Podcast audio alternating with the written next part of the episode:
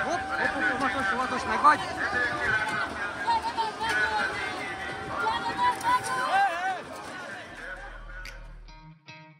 Egymás utáni két héten fújt könygázt a diákok közé a rendőrség a Karmelita Korostornál, amikor a tüntetők az Orbán Viktor irodáját védőkordonnak mentek neki. A helyszín és a kerítés szimbólumá vált. Először a Momentum próbálta lebontani, és a diákok is a miniszterelnöknek üzennek a molinóikkal. De mi a célja ezeknek az akcióknak? Jogos a rendőrállamot kiáltani, ha a tüntetők neki mennek a rendőröknek, és ők ezt viszonozzák. És segíti az ellenzéki pártok ügyét mindaz, ami a Karmelitánál történik, vagy csak tovább szilárdítja a politikai oldalak elszigetelődését. Az előző estét még a rendőrségen töltötte, most azonban itt van velem a stúdióban Tompos Márton, a Momentum országgyűlési képviselője, üdvözöllek! Sziasztok, nagyon köszönöm a meghívást, és üdvözlöm a kedves hallgatókat. Valamint itt ő velem a kollégám, Lengyel Tibor is. Sziasztok! Én Nagy Iván László vagyok, ez pedig a Fülke, a hvg.hu közéleti podcastja. Márton, köszönjük szépen, hogy eljöttél.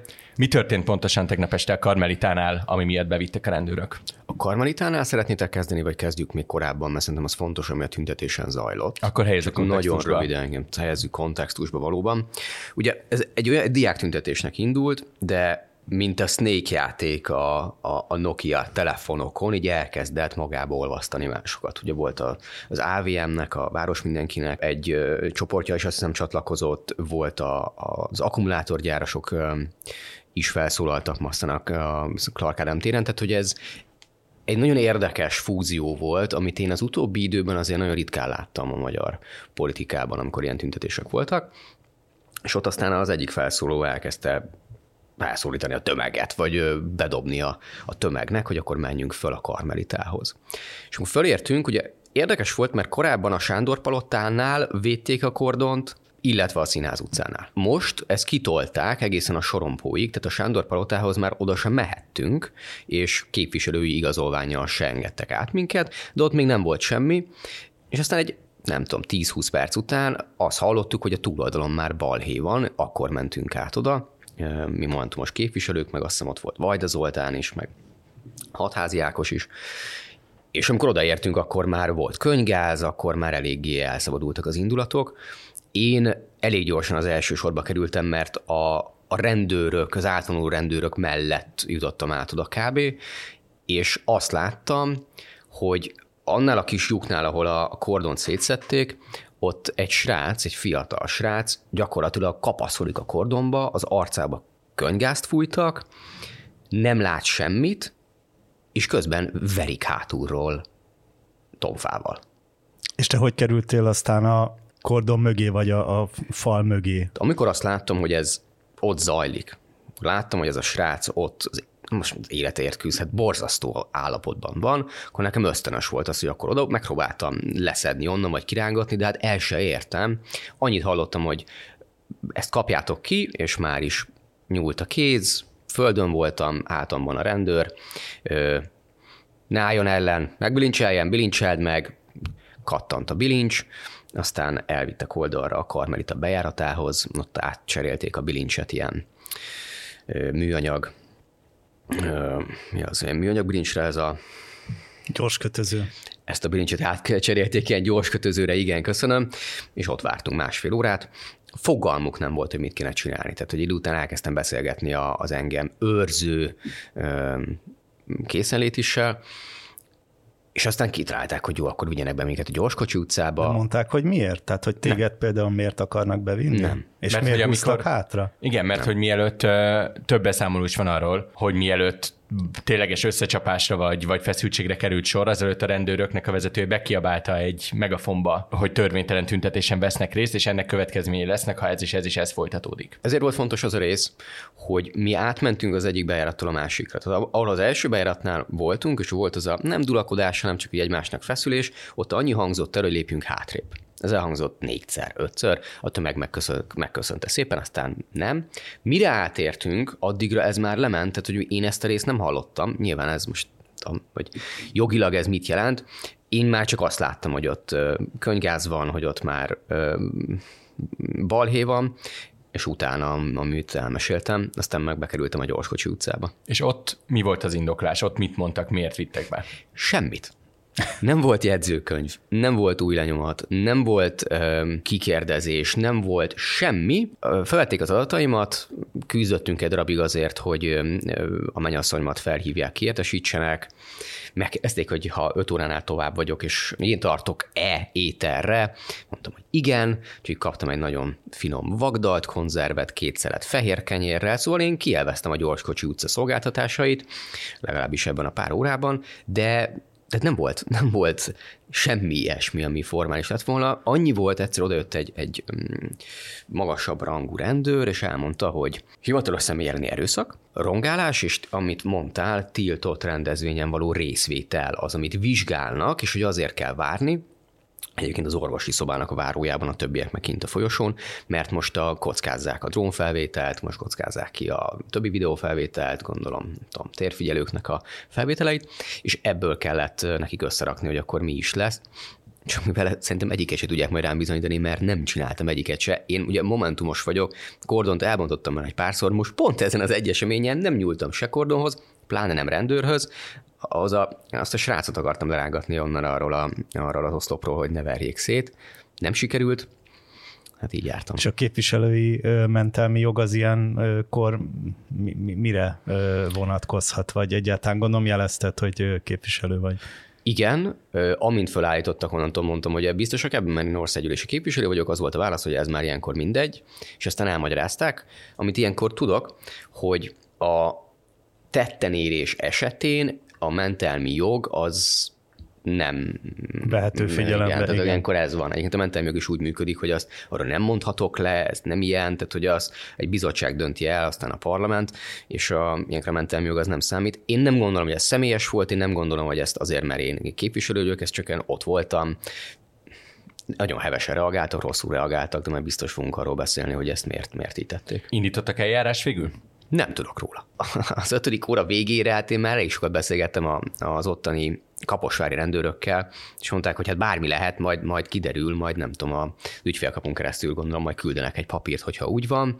Velem szemben úgy eljárást indítani, hogy nem hallgat ki, nem mutat bizonyítékot, nem vesz új lenyomatot, nincsen jegyzőkönyv, azért az fura lenne, de azért láttunk már egy-két érdekességet ebben az országban. Ugye az egész Karmelita Kolostornál lévő kordonbontás és a kordon kérdés ez egy olyan téma, amit a Momentum tűzött az ászlójára az elmúlt hetekben, lassan hónapokban.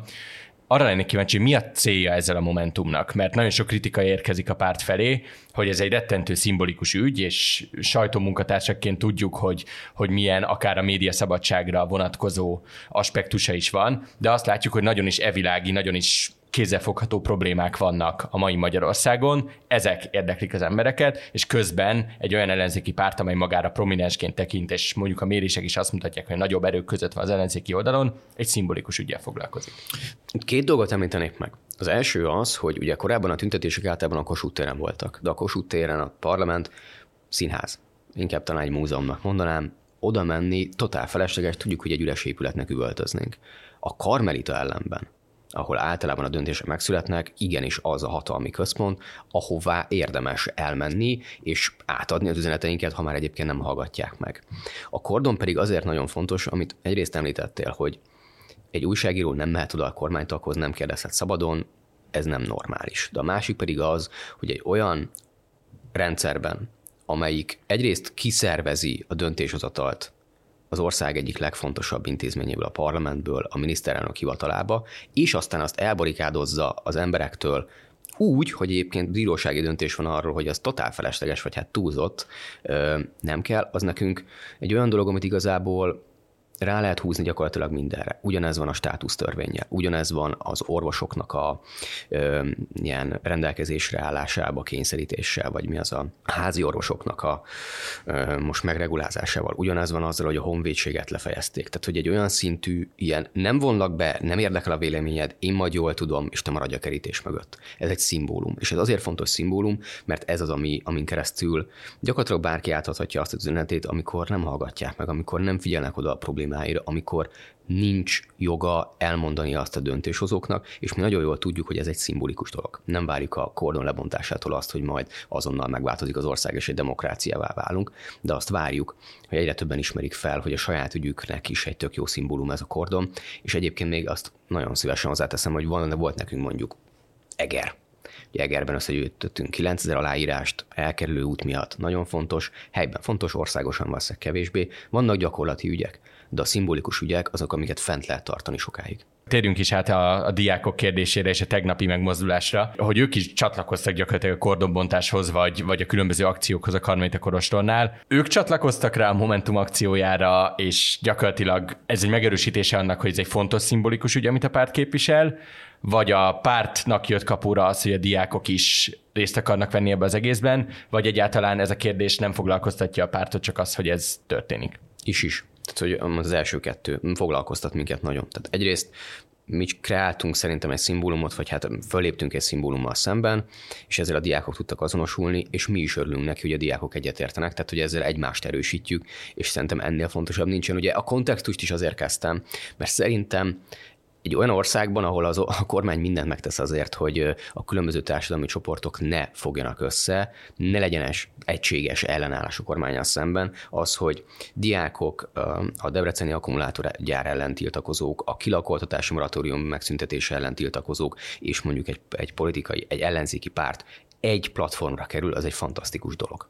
És esetleg azt látjátok-e, vagy hallottátok-e, hogy a diákoknak mi a célja, mert kívülről nézve nincs összhangban az, hogy amíg a Várhegy alatt vannak, addig népszavazási kérelmekről esik szó, addig oktatási reformokról esik szó, és utána fölmennek a Karmelita Kolostorhoz, és ott beállnak egy olyan akcióba, ahogy el is mondtad, ez, ez a politikai oldalról nézve egy szimbolikus politikai akció. Meg tudják-e fogalmazni, vagy hallottátok-e azt, hogy miért vesznek részt a diákok egy ilyen megmozdulásban? Hiszen, hogyha nekik ilyen reform céljaik vannak, azt egy ilyen tetlegességig fajuló konfliktus erodálja Ugye nem venném azért a bátorságot az, hogy a diákok nevében nyilatkozzak ö, országgyűlési képviselőként, de amit én látok az az, hogy az ugyanaz, mint nálunk a szimbolikus, meg a, az EGRI, a gyakorlati kérdés. Hogy persze, lehet gyakorlati ö, aláírásgyűjtés, 7 pont, intellektuális kampány, hirdetések, kreativitás, de muszáj mellé tenni az erőt, a szimbólumot, azt, amihez lehet ilyen érzelmileg is kapcsolódni, és ennek a jelentősége az igazán nagy a,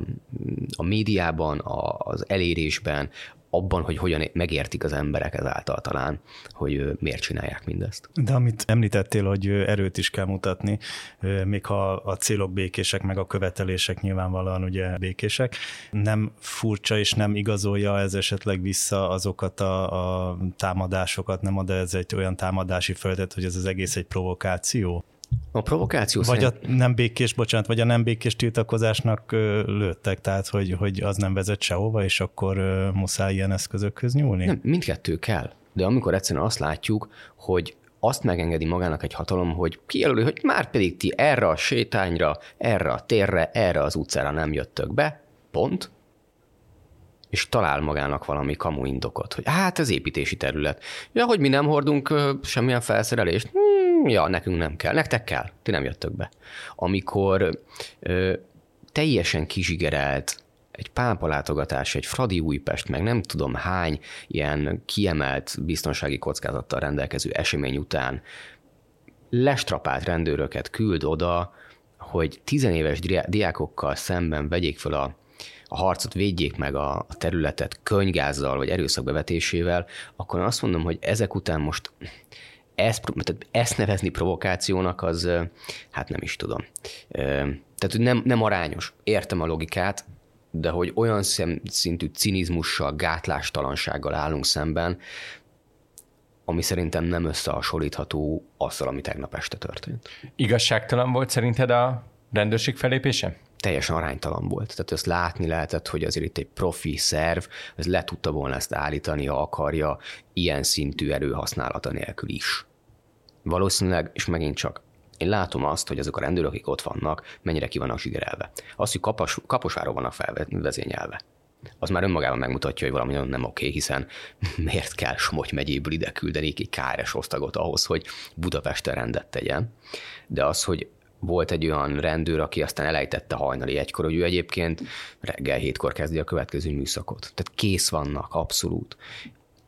És ugye ez, ez azért borzasztó, mert két olyan társadalmi csoport, a diákok, illetve a, a rendőrök, akik, akik ugyanúgy szenvednek ettől, ami most van, attól, hogy nem működik az ország, és akkor erre föl lehet húzni azt, hogy 1200 postást rúgnak ki, hogy lefejezik a honvédség vezetését, hogy a, a házi orvosokat belekényszerítik ebbe az ügyeleti rendszerbe, hogy nem működik az ország, ezt mindenki szívja, és mégis egymás ellen vannak huszítva. Ilyen esetben nem csoda, hogy bármilyen atrocitás történik, vagy történhet, és hogy provokáció, nem provokáció, szerintem egyszerűen csak kiállnak a jogaikért. Mit gondolsz azokról a kritikákra, amik, amik főleg nagyon hangos kormányellenes fórumokról vagy, vagy személyektől jönnek, akik rendőrállamot kiáltottak a tegnapi, vagy akár a múlt heti események után, te egy erőszakos rendszernek minősíted-e ezek után az Orbán rendszert? Az Orbán rendszert eddig nem minősítettem volna erőszakosnak, és úgy gondolom, hogy most is elsősorban gazdasági, meg ilyen zaklatás, ilyen gazdasági zaklatási eszközökkel érje el a céljait. Milyen szép céged van, Károly el akarod adni. Nem érted üzenetet? Hát akkor megjelenik nálad a NAV, a katasztrófavédelem, a nem tudom kicsoda. Ők használják ezeket, ők ezt csinálják.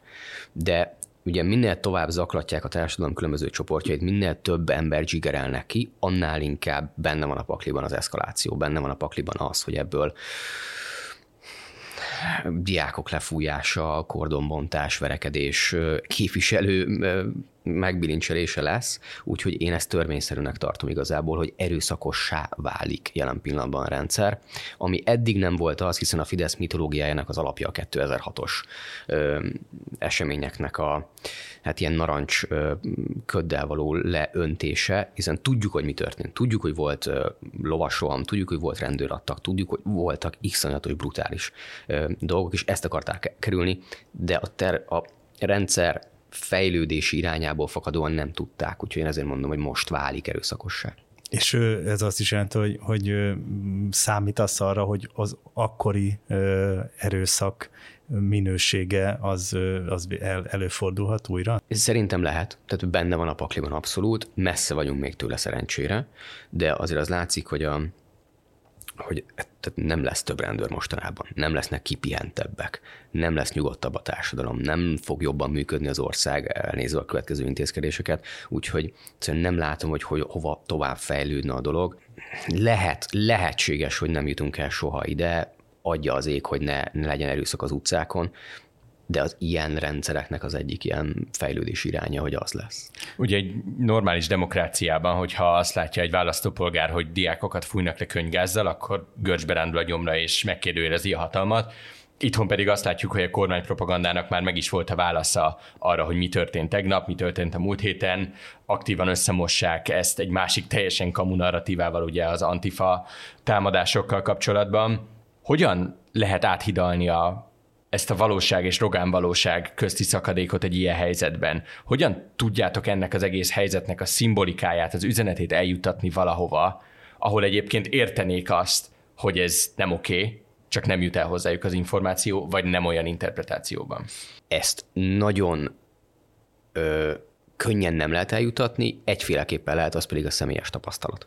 Tehát, hogyha valaki átéli azt, hogy a saját gyerekével, vagy a gyereknek az osztálytársával, barátjával, csoportásával történik meg ez, kinyílik a világ, vagy kicsit megkérdőjeleződik ez a propaganda, és ugye ezt szerintem nagyon sokan tapasztaltuk, szerintem a hallgatók közül is, hogy amikor üres a hűtő, akkor már tök mindegy, hogy ki a hibás, amikor már velem történik mindez, akkor azért felállnak azok az emberek is, akik korábban nagyon nem voltak hát aktívak a közéleti témákban. Úgyhogy én úgy gondolom, hogy ez ha politikai párt szerepét nézzük, akkor egyszerűen annyi, hogy minél több emberrel kell beszélni, minél több fórumot kell tartani, minél több helyre el kell jutni, és tudom, hogy ezt mondjuk már évek óta én ezt csinálom már egy jó ideje, de más opció egyszerűen nincsen, hiszen azt látjuk, hogy Magyarországon van szerintem egy másfél millió ember nagyjából, aki elhiszi, hogy nem tudom, Ausztria megszűnt, vagy Németországban akit nem erőszakoltak meg a migránsok, azok már megfagytak, tehát hogy ilyen, ilyen nagyon abszurd párhuzamos univerzum épült ki,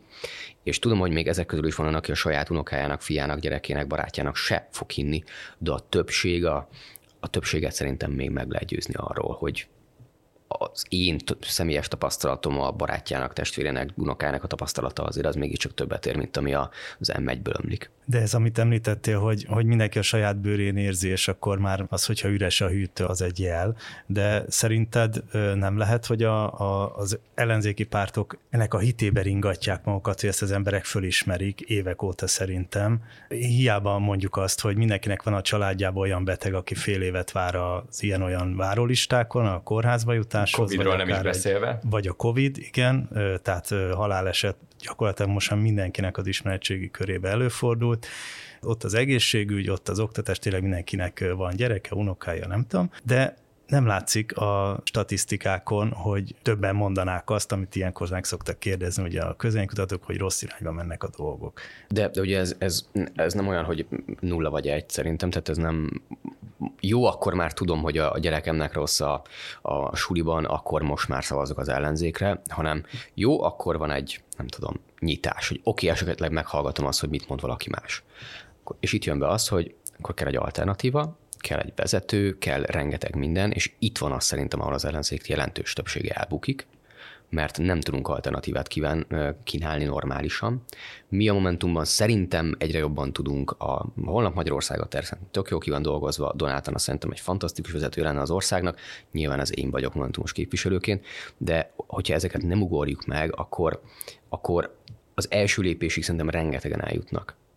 De tényleg nagyon sokan még a fideszes körökben is és aztán mondjuk elmennek radikális válaszok felé, vagy elmennek olyanok felé, akik adnak egy ilyen egyszerű, propagandisztikus, de nem valós választ. De nem ebben bízott az ellenzék 2021-ben is, hogy mire eljutunk 22 áprilisáig, addigra átfordul egy jelentős mennyiségű szavazó? De, és nem teljesítettük, és nem, a, nem teljesítettük azt, amit ott letett, ígértünk. Tehát, hogy ott nem volt egy egységes kommunikáció, ott mikromanagement volt, nagyon fontos kérdésekkel nem tudtunk mit kezdeni, és azért annyiba hadd mentsen fel magunkat legalább, hogy szerintem a hallgatók érzékelték, hogy nagyon is látom a hibáinkat, de azért nézzék azt meg, hogy itt jelen pillanatban csúzlival megyünk tankra, tehát hogy én azt szoktam mondani, hogy a, a Momentum egész éves költségvetését egy kedd délután elveri a Fidesz egyetlen egy kampányára. Tehát azt várni az ellenzéktől, hogy ugyanolyan szinten teljesítsen, mint a kormánypárt, amelyik az állami erőforrásokat használja, az állami intézményeket használja, az nem reális.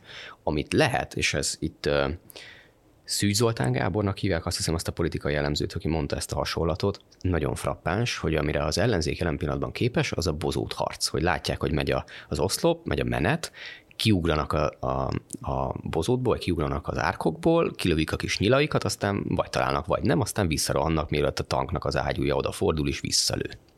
Úgyhogy konstans nyomást fenntartani nagyon régóta nem képes az ellenzék. Vannak fellángolások, mint mondjuk az előválasztás volt. Előtte talán 18-ban volt valami, talán előtte olimpia volt valami, tehát hogy egy-két évente van egy-két ilyen fellángolás, amikor tovább tart egy sztori egy napnál. Én nagyon remélem, hogy a kordon, a státusztörvényel, a debreceni, illetve akkumulátorgyáras problémákkal, a kilakoltatásokkal minden együtt esetleg összeállhat megint egy ilyen masszává. De a helyzet az, hogy ez a fajta fellángolás, szerintem ez nagyon sokan úgy érzik Magyarországon az ellenzéki körökben, hogy ez adott volt a télen, az ősszel, a télen, akatásoktól elkezdve, az LMBTQ közösségen át, a tanárok, az orvosok, és ott volt nagyon hosszú évek legdurvább megélhetési válsága, rezsiválsága, inflációs válsága.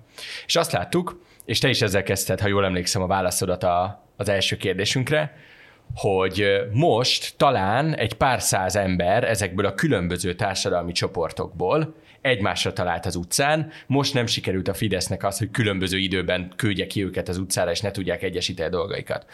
Nem lett volna az ellenzéknek ebben kulcsfontosságú szervezői szerepe, hogy csak most jöjjünk rá arra, hogy mennyire jó, amikor ezek a csoportok egymásra találnak, de jó lett volna akkor, amikor mindenkinek a feszültsége tetőpontján volt? Katánál volt egy ilyen, de az megint csak egy társadalmi csoport volt, egy nagy társadalmi csoport, amit nagyon sokan megéreztek, de hogy azért azt arra oda kell figyelni nagyon, hogy az ellenzéknek a, a besározását azt nem csak a fideszes választók körében érte el a Fidesz, hanem abban is, hogy nem hajlandóak nem csak a fidesz hanem egyáltalán politikával együttműködni nagyon sok um, hát civil szervezetek, egyházak, bárkik, akikkel együtt lehetne valamit kezdeni. Tehát, hogy itt azért mi egy eléggé nehéz helyzetből indulunk. De megint csak nem akarom felmenti magunkat, tehát rengeteg hibánk van, rengeteg hiányosságunk van, de azért próbáljuk meg a kontextusában nézni ezt a helyzetet.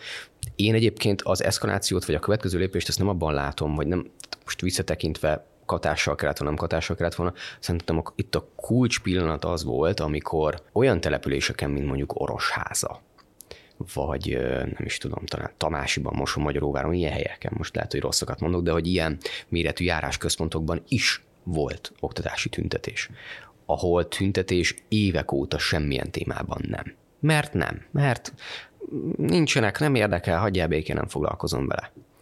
És hogyha ez ott megvan, és ezt a helyi ellenzék tudja használni, akkor van valamilyen továbblépés lehetőség, de ez csak az én elméletem nyilván, tehát szerintem azt kell majd továbbvinni, de azt is látni kell azért, hogy a, a mostaniban, amire azt mondjuk, hogy lehet belőle valami, és hangsúlyozottan lehet belőle valami, mi rajta leszünk, hol vannak a tanárok? Hol vannak a szülők? Ott vannak a magyar anyák néhány, ott van néhány tanár, én is beszélgettem egy nagyon szimpatikus óraadó kémia tanára például. Hol vannak ezrével azok, akik azt mondták, hogy hát elgondolkodnak azon, hogy felmondanak. Ugye 5000-en adták be így a, azt hiszem a petíciót. Ennyien írták alá. Tehát, hogy azért még a a magon belül is iszonyatosan nagy hiányosságok vannak, és ezt, ezt nem nagyon lehet arra rá, rátolni, hogy az ellenzék miket csinál, meg miket nem, mert hogyha saját magunkért nem állunk ki, akkor én aztán a, a Gandhi és Martin Luther King egyes, egyesített ereje is lehetek, akkor sem fog tudni elérni semmit. Ugye nagyon hiányzik itt a bizalom, erről rengetegszer beszélünk, hogy, hogy hiába vannak ott a politikai pártok, és hiába vannak ott a, a civilek, hiába van kint ez az utcán, vagy hiába van kint az az utcán, amíg az egyik nem tudja meggyőzni a másikat, jelen esetben a pártok nem tudják meggyőzni a civileket arról, hogy de mi vagyunk az alternatíva, addig lehet kín három millió ember is az utcán, nem fognak tudni kire szavazni. Milyen lépéseket tett, mondjuk a Momentum, amire rálátsz, milyen lépéseket tett a Momentum az elmúlt, hát mennyi, egy év, egy hónapban, hogy megerősítse a bizalmát a társadalomnak abban, hogy igenis van egy alternatíva. Milyen fórumokon, amit említettél, fórumokat beszéltetek azokkal az emberekkel, azokkal a csoportokkal, akik kárvalotjai ennek a rendszerek, akiknek szüksége lenne legalább egy pártra, ami hallgat rájuk, és megadja azt a szervezeti egységet, és később azt a választási lehetőséget, amire szükség van ahhoz, hogy ez a rendszer mozdulni tudjon. Hol érintkeztek ezekkel a csoportokkal? Ugye itt nagyon sok szint van, tehát hogy van az, ugye Donát Annának a holnap Magyarország a terv kapcsán van egy konferencia sorozata, ez egy nagyon intellektuális, nagyon értelmiségi rész, ezt is meg kell fogni. Az én országjárásom például arról szól, hogy a Katrány Ferenccel, Rácz Andrással megyünk szerte szét mindenfele, tudom Kőszektől Miskolcig, azért most már elég sok helyen voltunk, és megyünk is tovább és ott nyilvános eseményeken beszélünk például a titkosszolgálatok szerepéről, itt mindig feljön például a Pegazus, a most a budaházi féle ügy, tehát ugye az aktualitásokról, Rácz Andrással beszélünk az orosz-ukrán háború állásáról, mindig feljön az atomháború kérdése, tehát hogy olyanok, amik nagyon sokat foglalkoztatnak. És akkor van egy harmadik rész, ami, ami tipikusan az, ami az országos médiának az ingerküszöbét nem viszi át, vagy csak nagyon ritkán, és ez nem, nem akarom felrúni senkinek, értem a szerkesztési elveket. Az Eger volt, amit már említettem, de most van ez a kastélybotrány például, ugye, hogy a Lázaréki akarják szervezni a kastélyokat. Ederényben Stummer János és Bedő Dávid tartottak tüntetést, 300-an voltak Ederényben. Egy hatalmas szám ahhoz képest, hogy mennyire aktív az a város. Úgyhogy én egy település.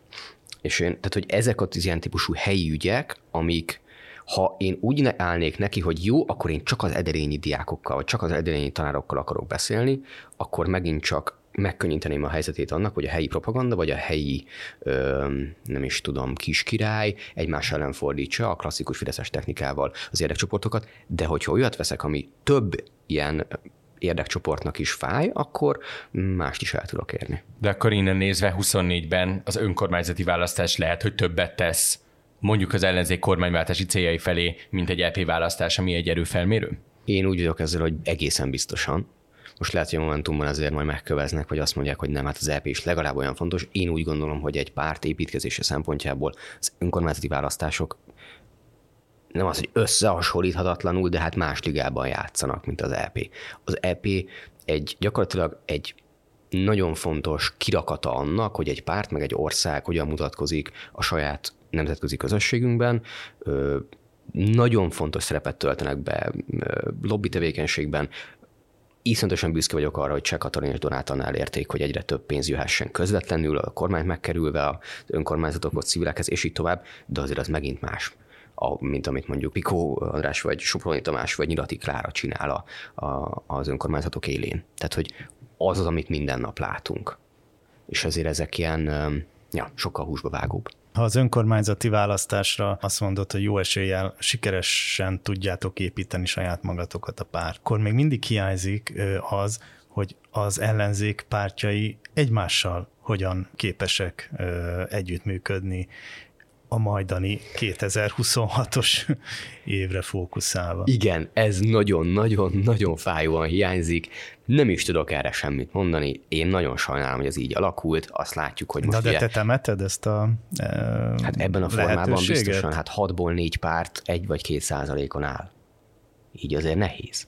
Most lesz egy erőfelmérő meglátjuk. Mert azt látjuk, hogy a DK játsza ezt a egységesítő szerepet, mindenki eldöntheti, hogy ez neki szimpatikus-e, az LMP eljátsza azt, hogy minket üt, és bármit csinálunk, az rossz, ez mindenki eldönti, hogy ez szimpatikus-e nekik.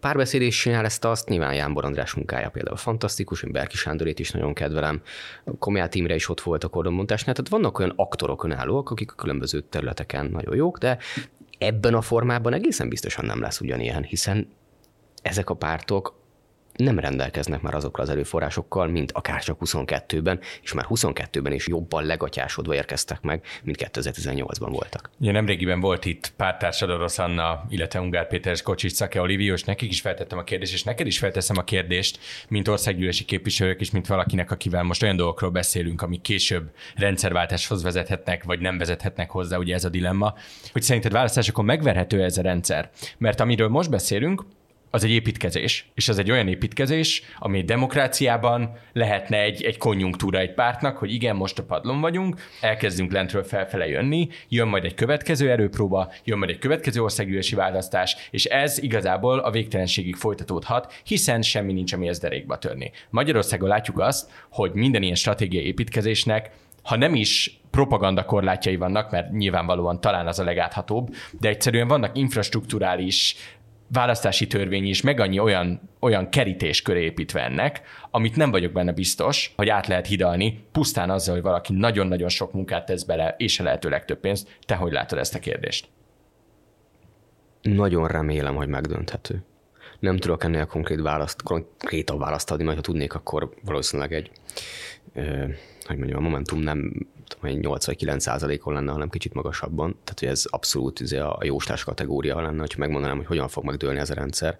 De én tényleg azt mondom, hogy a, az országunk jövője szempontjából nagyon remélem, hogy ez választásokon fog megdőlni. Mert ha nem, akkor nagyon csúnya képeket fogunk azért átélni még a következő években. És hát az ég óvjon mindannyiunkat ettől. Márta, egy utolsó témát dobnék még föl, mégpedig az, hogy mi jön ezután. Hogyan terveztek? Mentek-e még a karmelitához? Tudjátok-e, vagy szeretnétek-e szélesíteni azt a kört, ahonnan merítetek embereket? Mi az építkezés következő folyamata, hogyha tényleg ez a karmelitás szimbolikus lépés, ez, ez egy előrevezető, vagy ez egy olyan irány, amely figyelmet kelthet fel szélesebb körökben is. Hát én azt érzem, hogy ha még ott áll az a kerítés a korea kordon, akkor nekünk muszáj, tehát hogy két opció van, vagy elbontják, vagy építenek egy állandó kerítést, és ha nem, akkor meg nekünk ott a helyünk. Hogy mi lesz, hát a következő részek tartalmából most még nem szemezgetnék, majd lesz folytatás, fogalmazunk így. És mi a cél 2023-ban a továbbiakban, mert látjuk azt, hogy megint azért előgördül egy pár akadály, például sokkal nehezebb lesz a tanárokat, diákokat mobilizálni egy hónapon belül, amikor betör a nyári szünetet, vagy egy-másfél hónapon belül. Nyilvánvalóan látjuk, hogy akkor az egész szervezés az egy sokkal nehezebb folyamat. Látjuk, hogy nyáron mindenki szabadságra vonul, ti is szabadságra vonultok, mindenki szabadságra vonul, aki tud, meg például nincs parlamenti ülésszak. Mi kell történjen ahhoz, hogy fel lehessen tartani mondjuk egy olyan feszültséghelyzetet, ami gyakorlatilag már egy ilyen kampányidőszak 2024-re, mert azt láttuk, láttuk 2021-ről 22-re is, hogy nagyon késő elkezdeni ősszel gondolkodni azon, hogy mit csinálunk a következő tavasszal. Itt három válasz van. Pontosabban a válasznak három része van. Az első, És a második, ezekről beszéltünk. Kellenek a helyi ügyek, kellenek azok, amik az embereket megfogják helyben, amiket értenek, és hajlandó elmenni érte. Akár tüntetni, akár csak meghallgatni egy beszédet, vagy aláírni. Muszáj. Nincs, nincs alternatíva. A második kellenek a szimbolikus ügyek, kordon, egyéb dolgok, oké. Okay. A harmadik, és ez szerintem jelen pillanatban az ellenzéknek a legnagyobb hiányossága. Mert hogy azért beszéltünk egy pár dologról, mert az ellenzékben nem működik. Kommunikációs területen dolgoztam elég sokat, és én azt látom, hogy ugye ha három szintre bontjuk a politikai kommunikációt, akkor vannak a, a, az ilyen szlogenek, mint rezsicsökkentés, meg tudom én, Rubel, Rubel jobb oldal, tehát hogy vannak az ilyen catchphrase-ek, vagy ilyen, ilyen bombok. Vannak a sztorik, amik ehhez kapcsolódnak, a debreceni akkumulátorgyár, vagy a nem tudom, a lomkoronasítány, igen, de az, az, az ellenzéki oldalról is vannak ilyen fideszes sztorik is, amiket ők nagyon szeretnek tolni a, is tudom, a gulró dollárokról, vagy a fantasztikus Szijjártó Péter teljesítményekről.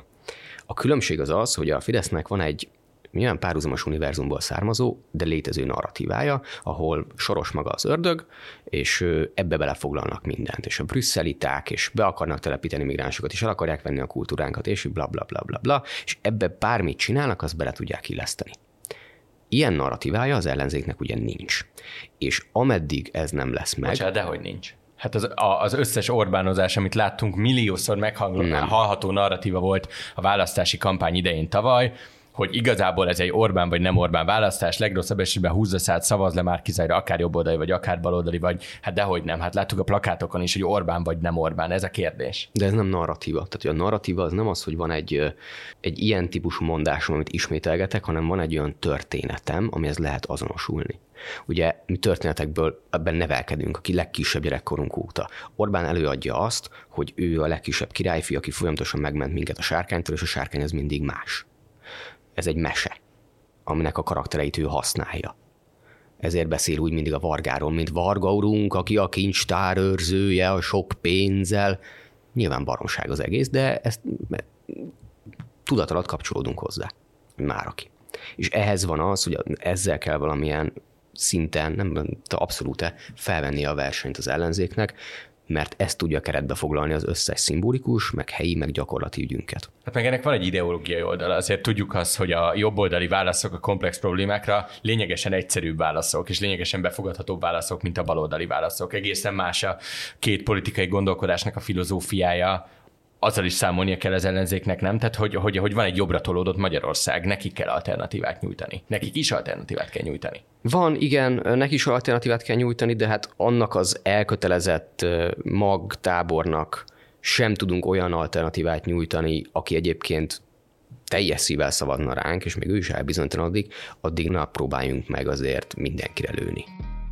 Márton, köszönjük szépen, hogy eljöttél. Tibi, neked is nagyon szépen köszönöm, hogy itt voltál. A hallgatóinknak pedig köszönjük a figyelmet. A fülke hamarosan folytatódik, iratkozzanak fel a hvg.hu podcastok csatornájára, hogy ne maradjanak le a mérlegen, az elvitelre és az ékaszadásairól sem. Én Nagy Iván László vagyok, viszont hallásra.